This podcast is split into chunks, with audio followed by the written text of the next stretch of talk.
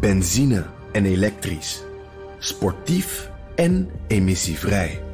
In een Audi plug-in hybride vindt u het allemaal. Ervaar de A6, Q5, Q7 en Q8 standaard met quattro vierwielaandrijving. Wat u ook zoekt, u vindt het in een Audi. Audi. Voorsprong door techniek. Dit is een BNR podcast.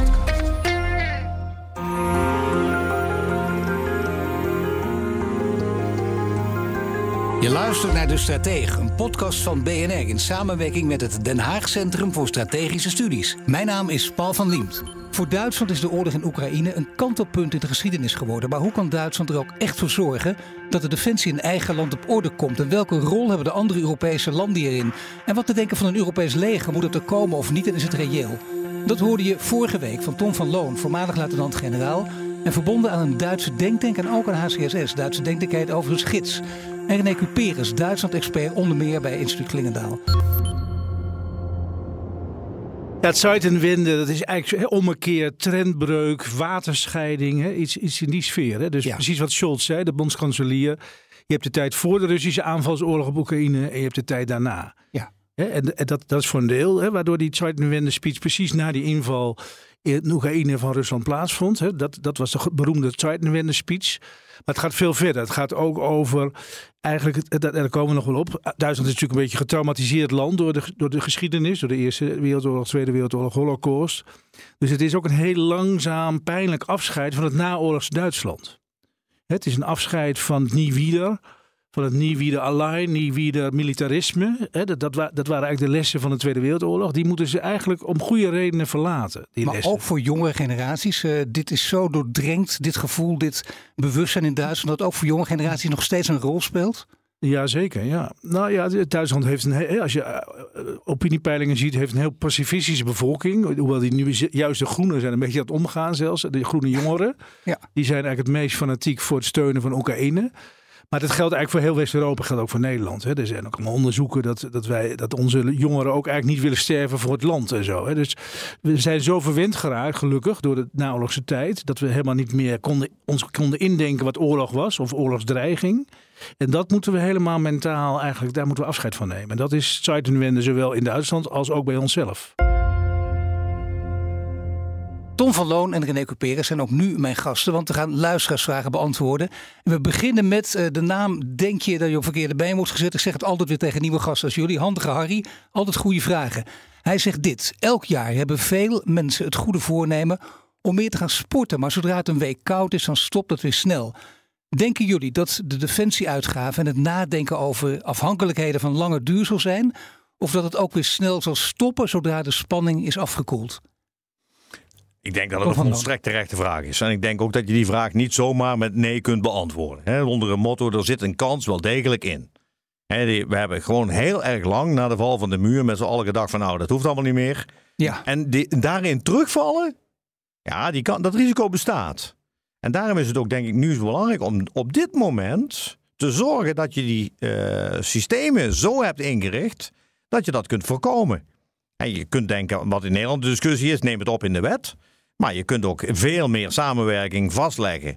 En ervoor zorgen dat je gewoon vastgebonden zit. Dat je niet meer zo gemakkelijk een Maar hoe, hoe precies, hoe doe je dat? Die samenwerking vastleggen tussen wie en wie? Nou, je kunt bijvoorbeeld heel gemakkelijk in, Europees verband hè, eh, samenwerken. Als Duitsland samen met Nederland iets doet, dan kan je niet als één land maar roepen van laat maar, ik doe niet meer mee. Nee. Dus je kunt door die verbanden te creëren, die verbanden ook helderder neer te zetten naar de landen die zich bedreigd voelen denk ik dat je meer kunt doen. Ja, nee, hoe kijk jij er tegenaan? Precies hetzelfde? Ja, ik, ik zie, nog, helaas zie ik nog helemaal geen geopolitieke ontdooiing. Ik, ik zie de wereld alleen maar ruiger en, en heftiger worden. Ja, de spanning die afkoelt, dat zie ik inderdaad ook niet. Dat gebeurt dus niet binnen dus tien jaar. dat vredesdivividend over twintig jaar, dat zie ik nog helemaal niet voor me. Ik zit nog helemaal in de, geo, ik zit nog iets, ik zit in de shock van de geopolitieke situatie van dit moment. Want we, we hebben het nu over Rusland en Oekraïne. We dachten eigenlijk dat dat voorbij was. In onze naïviteit. Obama riep Rusland is eigenlijk voorbij. Is een regionaal machtje geworden. hebben we niks meer van te duchten. We gaan nu de grote pivot naar Azië maken. Ja. Met z'n allen naar China. En, en dat gebeurde. Op het ministerie van Buitenlandse Zaken in Nederland werd de Rusland-afdeling gesloten. Ja. En daar kwam een China-afdeling van de plaats. En mensen gingen geen Russisch meer leren, maar Chinees leren. Dus, in, dus nee, dat is waar. ik als historicus heb ooit wel een keer ergens opgeschreven van pas op met ineenstortende wereldrijken. Dat zijn de meest gevaarlijke dingen in de geschiedenis. En, wij, en, het is niet een kwestie van een paar jaar. Dat duurt, kan generaties duren. Zie Poetin nee, hoe Er zijn heel veel experts dat die riepen Rusland geen gas en olie meer. Telt niet meer mee. Klein staatje, onbelangrijk. En dan heeft de BNP van de, de, de economie van, van Nederland en, en België. Ja. Nou, hoe kan, dus, hoe kan een land van de grootte van Nederland en België zo'n enorme oorlogseconomie op, op de been brengen? Als je alleen maar naar Rusland, we hebben nu de tendens. Dus we zijn zo naïef geweest over. Zo naïef. Dat is niet het enige probleem. Maar ik bedoel, China komt er nog aan. Tuurlijk, China komt eraan. En ik denk ook als je dus nu naar een dus, nieuwe koude oorlogssituatie zou gaan, hè, want zo'n soort situatie, ja. dan is die sowieso niet zoals die vroeger was bipolair. Hij wordt sowieso minimaal tripolair. Ja, daarom. En hij is ook veel minder voorspelbaar, want veel chaotischer. We hebben niet meer zo'n mooi hek in de midden. Hè. Toen ik uh, het leger in ging, hadden wij zo'n hek. Hè. Daar, wij aan deze kant van het hek en het Wouwsepakt aan die kant van het hek. Heel, heel veel hekken. Dat was hartstikke handig. Want dan wist je precies waar je wel en waar je niet. En dat was gewoon netjes gescheiden. Die wereld is voorbij. Ja. En dus die dreiging, en dat, daarom denk ik ook dat het wel mee zal vallen met dat vredesdividend, die gaat zomaar niet meer weg. Die maar. Harry zegt, uh, zodra de spanning afkoelt, in een normale situatie heeft hij gelijk, want dan zijn we toch geneigd weer een soort luiheid te vervallen, gemakzucht. Dat dat maar dat de spanning afkoelt, dat René zegt, die kan, is die kans groot dat er binnen 20 jaar nee, gebeurt? Nee, denk ik niet. Maar bovendien, die spanning afkoelt. Welke spanning dan? Het met kogels op elkaar schieten, wat we nu in de Oekraïne zien. De Oekraïne is het slagveld in een grote oorlog. Nou, frozen conflict, als je dat Precies. gewoon... Uh... Maar dat betekent dus dat wij uh, inmenging verkiezingsbeïnvloeding, het hacken van uh, organisaties, het werken met uh, huurlingenlegers in Afrika, die landen destabiliseren, die voor ons migratiestromen op, uh, tot gevolg hebben. Al dat soort dingen gaan voorlopig niet weg. Nee. En dus je hebt een andere wereldorde. Waarin die verantwoordelijkheid ook niet meer zo simpel. Hè? We moeten één ding helder hebben. We gaan nooit meer terug naar de Koude Oorlog. Dat was te makkelijk.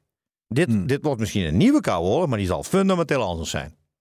Ja, dat is maar net hoe je het inderdaad definieert en noemt. Maar het idee, het gevoel, de wederzijdse afschrikking, dat is toch eigenlijk wat allemaal bij Koude Oorlog hoort. Die zal blijven bestaan. Ik denk Populair die... gezegd Koude Oorlog 2.0. En die wordt dus weer veel belangrijker. Dus je krijgt een andere vorm van afschrikking, die ook niet alleen maar meer met wapens zal zijn, maar onder andere ook met economisch. Landen, eh, zeker een land als China heeft er belang bij om handel te kunnen drijven. Dan is daar dus ook een mogelijkheid. De weaponizing. Weaponization, of, weaponization of everything. Is Mark Galliotti, een Amerikaan die in de New York Times schrijft regelmatig, heeft een boek geschreven dat heet Weaponization of Everything. Dat is alles wordt een wapen. Ja, nee, alles wordt en ik denk dat hij gelijk heeft. Kijk maar naar energie in Rusland. Kijk maar naar grondstoffen in China. Dus dat is. Uh, dus ik helaas met Harry, hoe heet die? Harry de Handige Harry. Harry. hij heeft gelijk waar het om sportscholen gaat, maar de wereld uh, zal het helaas niet vergelden. Nee, dat is inderdaad, uh, die komt duidelijk over. Joachim, maar dan gaat het over economie. Joachim heeft de volgende vraag. Hij zegt Duitsland blijft in tegenstelling tot andere Europese landen een industriële economie. Met als gevolg dat Duitse bedrijven eerder beperkt productiesites hebben buiten Europa. Eh, met de auto-industrie als uitzondering. Kan het Duitse kapitaal en het Duitse know-how gebruikt worden voor goedkopere militaire productie buiten Europa? Buiten Europa. Ik vind het woord kunnen hier moeizaam. Mijn, mijn onmiddellijke vraag wordt, willen we dat dan? Ja. En moet je wapens, en zeker wanneer dat uh, high-end wapens zijn, hè, lange afstandsraketten en dat soort dingen, cruise missiles, uh, moderne drones, moet je die wel willen produceren op die manier? Wordt het niet tijd dat we gaan nadenken over dit soort wapensystemen? Die willen we ook misschien wel helemaal niet meer exporteren. Is dat nou wel zo verstandig om dat soort wapens te exporteren? Hè, we hebben net vastgesteld. Ja, know-how. We stellen net vast dat een aantal van die raketten die in de Oekraïne neergekomen zijn, die door Noord-Korea geleverd zijn aan Rusland, waarmee ze de Oekraïne beschoten heeft, daar zitten voor 75% Amerikaanse, maar ook Nederlandse onderdelen in. En dus moeten we dat nou wel willen? Is, dat nou, is het niet veel beter om nu eindelijk eens een keer, als we nou toch praten over veiligheidsinteresses en belangen, om die wapenindustrie ja, veel meer te roepen, ja, we maken precies dat wat wij nodig hebben en niet meer. Strategische autonomie heet dat. Strategische autonomie, maar dan ook maar alleen voor je eigen vrienden. Hè? Ja. Maar kan dat commercieel uit, hè, de wapenindustrie? Die moet je dan bijna gaan nationaliseren. Hè? Precies. Hè, daar zitten is, is het wel verstandig om een munitiefabriek commercieel te bedrijven? Ja. Want dat betekent dat die munitiefabriek die munitie moet verkopen. Ja. Is dat nou wel verstandig? Ja. Is het nou niet verstandiger om dan lange termijn te gaan nadenken van oké, we maken wat die munitie, maar we maken precies dat wat we nodig hebben. Ja. En we houden die capaciteit overeind. En voor- allemaal onder overheidsregie. onder Ja. een bepaalde vorm van regie, ja, die niet alleen maar op export gericht wordt. En die niet puur commercieel Nee, gedreven nee. wordt. Nee, maar dan is het toch heel simpel overheidsregie? Of kun je daar nog andere vormen voor Nou, bedenken? Nou ja, Publiek-privaat Dus zelfs? Dingen als afroepcontracten bijvoorbeeld. Hè. Je roept dus gewoon, ik ga een bedrijf betalen als defensie voor het Ja, dat le- is- kunnen leveren ja. van munitie als ik het nodig heb. Ja. Je krijgt dus van mij geen geld voor munitie. En dat moet je Europees doen, Moet- waardoor ja, er heel veel geld is. Hè? nee, maar dat, Tom van Loon beluisteren, René. En vorige week ook. Die, die moeten we ook gewoon een minister van Defensie gaan maken. En daarna meer ook. Hè. In Brussel neerzetten. sowieso. Heeft veel oplossingen. Er Ik ben komt, met pensioen. er komt een commissaris voor de defensieindustrie Ja, hè, komt in, commissaris. in Brussel. Ja, hè? Dat is, eh, wordt En aangekondigd. dat is ook goed, denk ik. Ja, dat is goed? nodig voor die ja, ik denk dat coördinatie. het echt goed is. Want die Ja. coördinatie is belangrijk. Ja. Ik wil helemaal niet zeggen dat het Europees... Want zijn vraag ging natuurlijk naar de Duitse maakindustrie. Ja, precies. Duitsland heeft natuurlijk een maakindustrie en dat zal ook nog wel een poos zo blijven. Maar ook die maakindustrie, ik ben er helemaal niet voor dat we nu die maakindustrie heel sterk op defensie dingen gaan bouwen. Dat we tank- eh, gigantische bergen tanks gaan kopen die we daarna gaan exporteren naar weet ik waar niet. Ik denk dat dat niet verstandig is. Je kunt veel beter daar denk ik eens nadenken, wat hebben we nou echt nodig? Hoe gaan we dat maken? Ja. En hoe gaan we dat slim maken, zodat we dat niet meer maken strikt noodzakelijk? Nee, en vooral niet 100% commercieel. Want dat zijn inderdaad, daar, kun- daar moet je echt op afdingen. Dat zou heel onverstandig zijn. Ja, dat zou ik heel onverstandig Maar vinden. jij wil niet Philips een dronefabriek laten worden. Want we, Nou ja, dat, dat, dat hebben we nodig. dat, Nou, dat is oorlogseconomie, hè, wat de Ja, maar, je- maar misschien zegt- moet je dus wel bij bepaalde bedrijven moeten. mijn heel voorzichtig. en de- Dat en- zeggen nu die generaals af en toe. Van we hebben een oorlogseconomie nodig. Dus Ja. je moet bijna VDL, die nu leeg komt te staan in Born.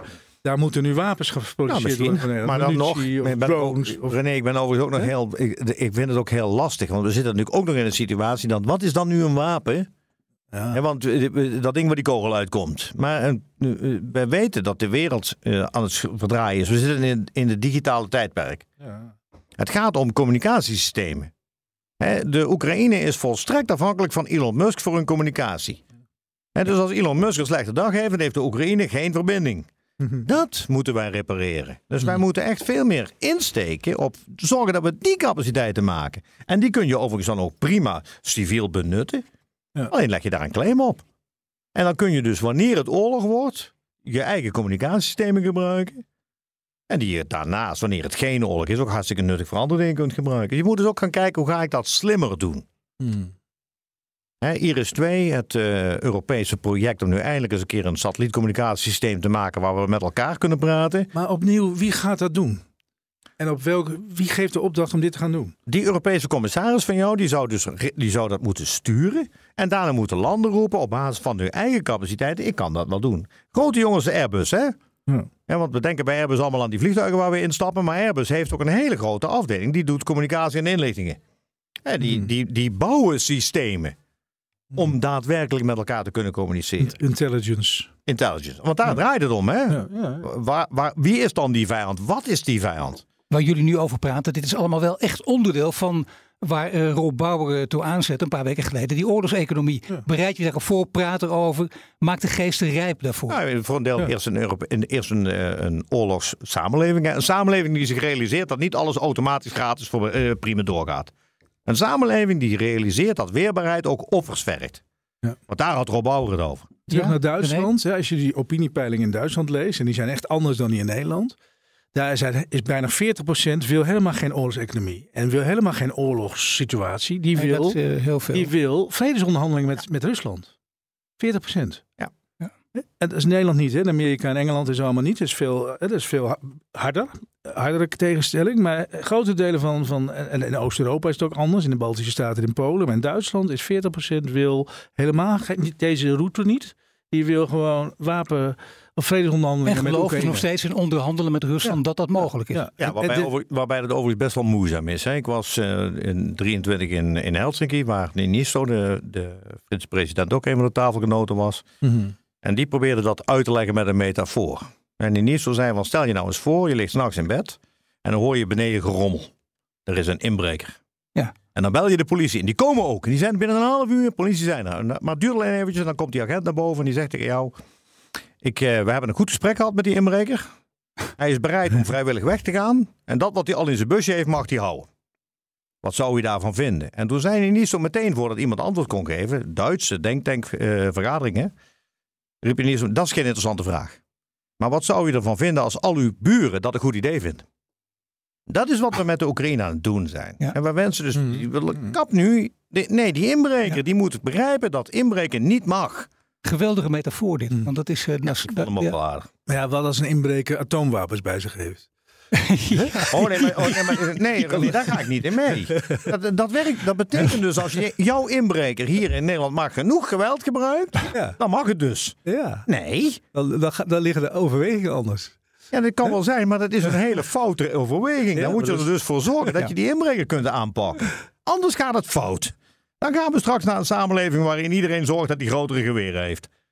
Goed, heren, zijn we nu bij de vraag van John. En het lijkt wel of John, uh, die heeft hem ingestuurd, zijn vraag, voordat wij vorige week onze uitzending instuurden. En hij moet geluisterd hebben toch op een van die hoe, dat kan, snap ik niet. Komt er een EU-commissaris voor gezamenlijke productie en aankoop van militair materieel, wil hij weten. En mogelijk kan deze ook in samenspraak met de minister van Defensie de integratie van EU-legers binnen de NAVO coördineren. Alles uh, in een sterk gecoördineerde EU-buitenlandpolitiek. Ja, dat hele pakket, dat hele verhaal, dat is, dat is reëel, wenselijk? Het coördineren ja. Ik denk dat, dat het daadwerkelijk Europees kopen van alle defensiemateriaal misschien nog net wel. dat is in ieder geval op dit moment erg snel. Hmm. Maar het feit dat er een Europees commissaris komt die het gaat coördineren. En die er dus voor gaat zorgen dat we niet allemaal hetzelfde kopen. Die er ook voor gaat zorgen dat we niet allemaal dezelfde problemen in onze krijgsmacht tegelijk repareren. Zodat we straks allemaal tanks hebben, maar verder niks. Ja. En dat is denk ik, daar zijn we het snel over eens. Dat, dat is nodig en dat gaat ook gebeuren. En hoe ver dat dan gaat voeren, dat we dan daadwerkelijk één aanschafsysteem creëren, nou, daar ben ik nog niet zo van overtuigd. We spraken vorige week ook over, over strategische autonomie. En uh, dan heeft het ook met macht te maken. En Otto van der Haar die wil dit weten. Hij zegt, betekent volgens jullie de geplande en deels gerealiseerde verhoging van de militaire budgetten in Europa, betekent dat ook een verhoging van de Europese beslissingsmacht ten opzichte van de Verenigde Staten? René. Ten opzichte van de Verenigde Staten.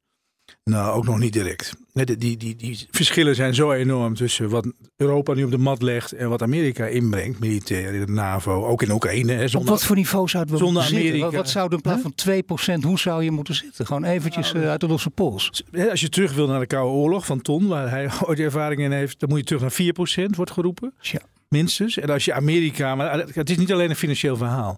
Amerika nee. brengt zoveel materieel in wat wij helemaal niet hebben. Intelligence en ah, ja, dat kun jij beter vertellen dan ik. Allemaal tanksysteem in de lucht en zo. Allemaal heel veel dingen hebben wij niet. Satellieten.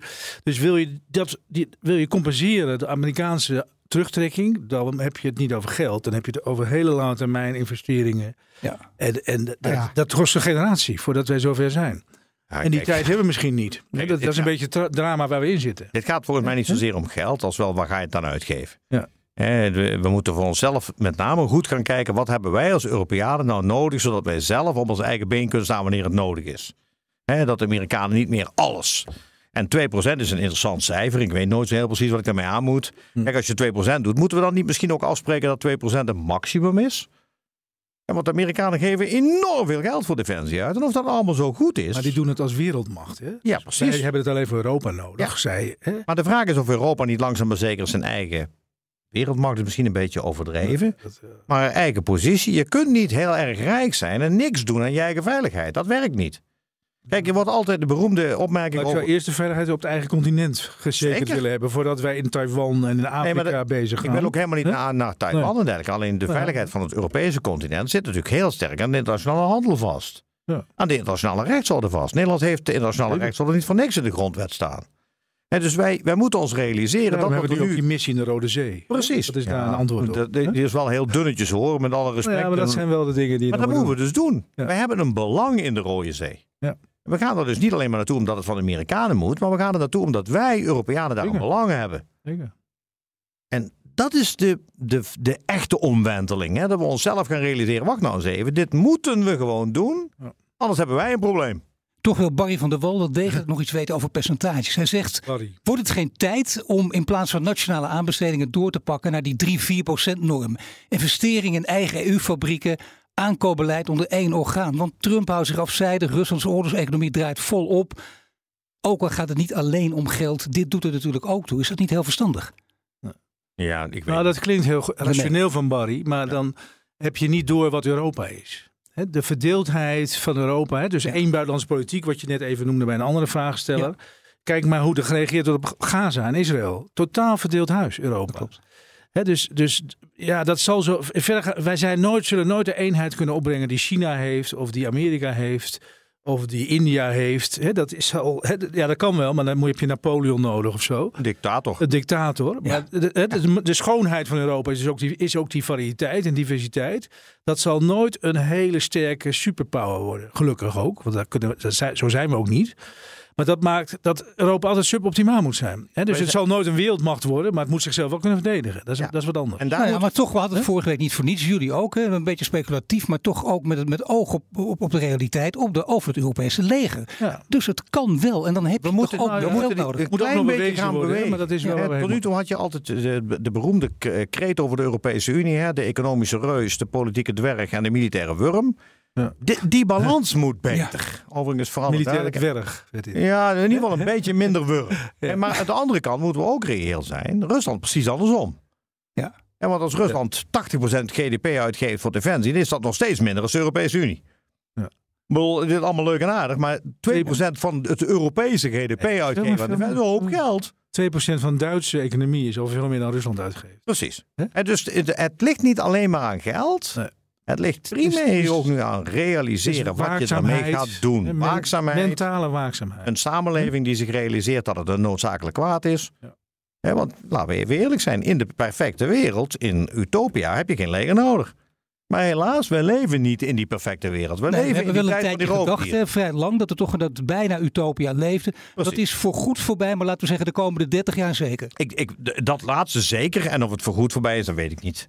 Ik, die, ik zal best wel weer Nee, maar dat vind ik periode... ook te veel gevraagd. Ik vind 30 jaar, dat is al een hele Ja, eh, nou, vergaande voorspelling. Kijk, de voorspellingen nu van de NAVO zo ongeveer is dat over tien jaar Rusland in principe voldoende capaciteiten zou hebben om één of meerdere NATO-landen aan te vallen. Dus nou ja. En, en het feit dat het zou kunnen, betekent dat wij ons daarop moeten voorbereiden. Het beroemde civis pacem parabellum. Als je vrede wil, moet je de oorlog voorbereiden. En als je dat niet doet, krijg je vroeg of laat de rekening. En dat is Oekraïne. En eh, laat dat heel helder zien wat het dan betekent. Maar je ontkomt niet aan hele ongemakkelijke discussies, ook niet in Duitsland en Europa. Willen wij een Europese kernmacht?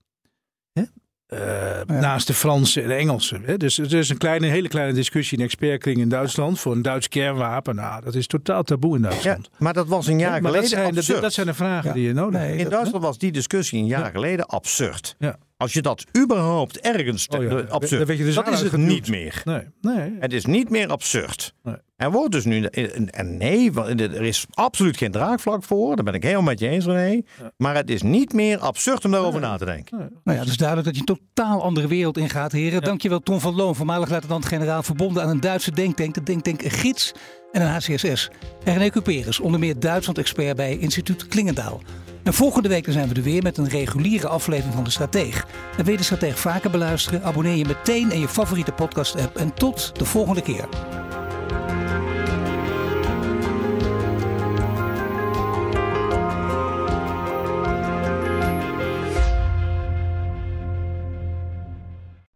Benzine en elektrisch. Sportief en emissievrij. In een Audi plug-in hybride vindt u het allemaal.